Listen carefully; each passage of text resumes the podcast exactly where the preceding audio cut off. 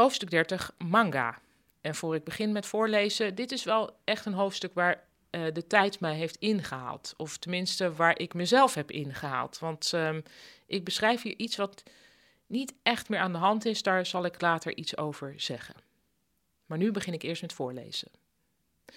Wat ik jammer vind, is dat ik niet zoveel voel bij manga, Japanse strips, en anime, Japanse tekenfilms. Er zijn pubers die zichzelf spelenderwijs Japans leren door manga te lezen en anime te kijken. En dat vind ik heel jaloersmakend.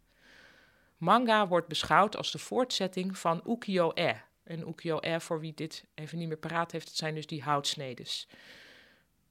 Een ukiyo-e-afbeelding van een acteur midden in een dramatische scène, dat is eigenlijk pure manga. Ik ken veel mensen die diep geraakt worden door de anime van Studio Ghibli, waar films gemaakt worden als Spirited Away.